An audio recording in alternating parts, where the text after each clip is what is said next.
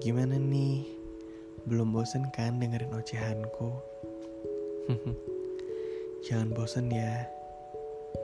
Oh iya, aku harap kabar kalian baik-baik saja. Kali ini ocehanku mengenai pengalamanku pribadi. Mungkin kalian juga punya pengalaman yang sama. Jangan-jangan kita jodoh nih. Teruntuk semua orang yang sedang diam-diam cinta. Setiap orang pasti punya cara yang berbeda-beda untuk merasakan perasaan kepada seseorang. Sebagian orang ada yang memilih untuk langsung terus terang mengatakan perasaannya. Sebagian lagi memilih untuk memendamnya. Sulit memang untuk mengetahui perasaan seseorang yang menyukai kita secara diam-diam, atau kita memendam sendiri perasaan ini karena tidak berani mengungkapkan. Akhirnya kita lebih memilih mencintai dalam diam, hingga terkadang kita bisa halus sendiri. Jadi ingat waktu sekolah dulu, dia sering lewat depan kelas. Kita sering ketemu di kantin.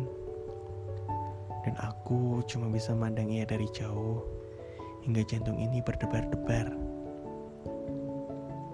Aku termasuk orang yang tak pandai mengungkapkan perasaan. Jadi, hanya bisa suka secara diam-diam. Atau kalian juga sama kayak aku. Mungkin kita merasa canggung atau malu ya. Kalau aku sih takut canggung aja. Dan juga teman-teman dia jauh lebih enak dipandang daripada aku. Hmm, bingung banget nih. Sampai sekarang aku masih suka sama dia. Kalian ada yang sama juga nggak? Oh iya, jatuh cinta itu fitrah bagi setiap orang. Ketika mencintai, pasti akan selalu ada harapan untuk dicintai. Tapi kenyataannya tak seindah itu. Banyak kisah cinta yang berakhir tragis yang dialami oleh banyak orang, seperti yang aku katakan kemarin, narkoba sama dengan cinta. Kenapa kita lebih memilih diam? Yang pertama, tak mau orang lain tahu. Jika orang lain sudah tahu tentang perasaan dan cintamu padanya, banyak yang tiba-tiba jadi sok tahu dan menjadi hakim atas tindakan yang kita ambil dalam permasalahan cinta. Jadi, lebih baik diam dan tidak ada yang tahu. Yang kedua, takut dijadikan bahan ledekan. Ya, sering kali kalau kita curhat ke teman, jika sedang suka seseorang, cie, kata andalan untuk meledek seseorang yang sedang jatuh cinta itu sangat mengganggu. Mereka hanya menjadikan itu sebagai bahan ledekan untuk kita saja. Yang ketiga, doi terlalu jauh untuk digapai. Si doi punya kriteria terlalu sempurna, terasa jauh untuk digapai. Lebih baik cinta dari jauh.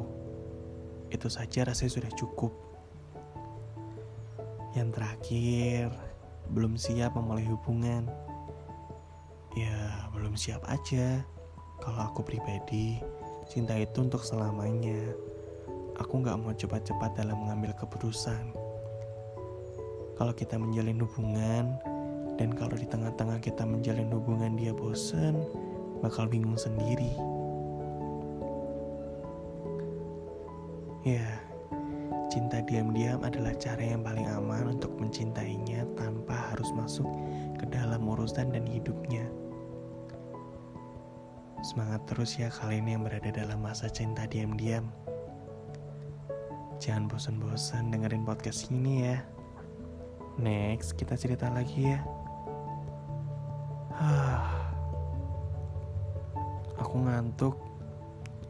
Hari ini cukup sampai di sini ocehan tak bermutuku. Sampai jumpa. thank you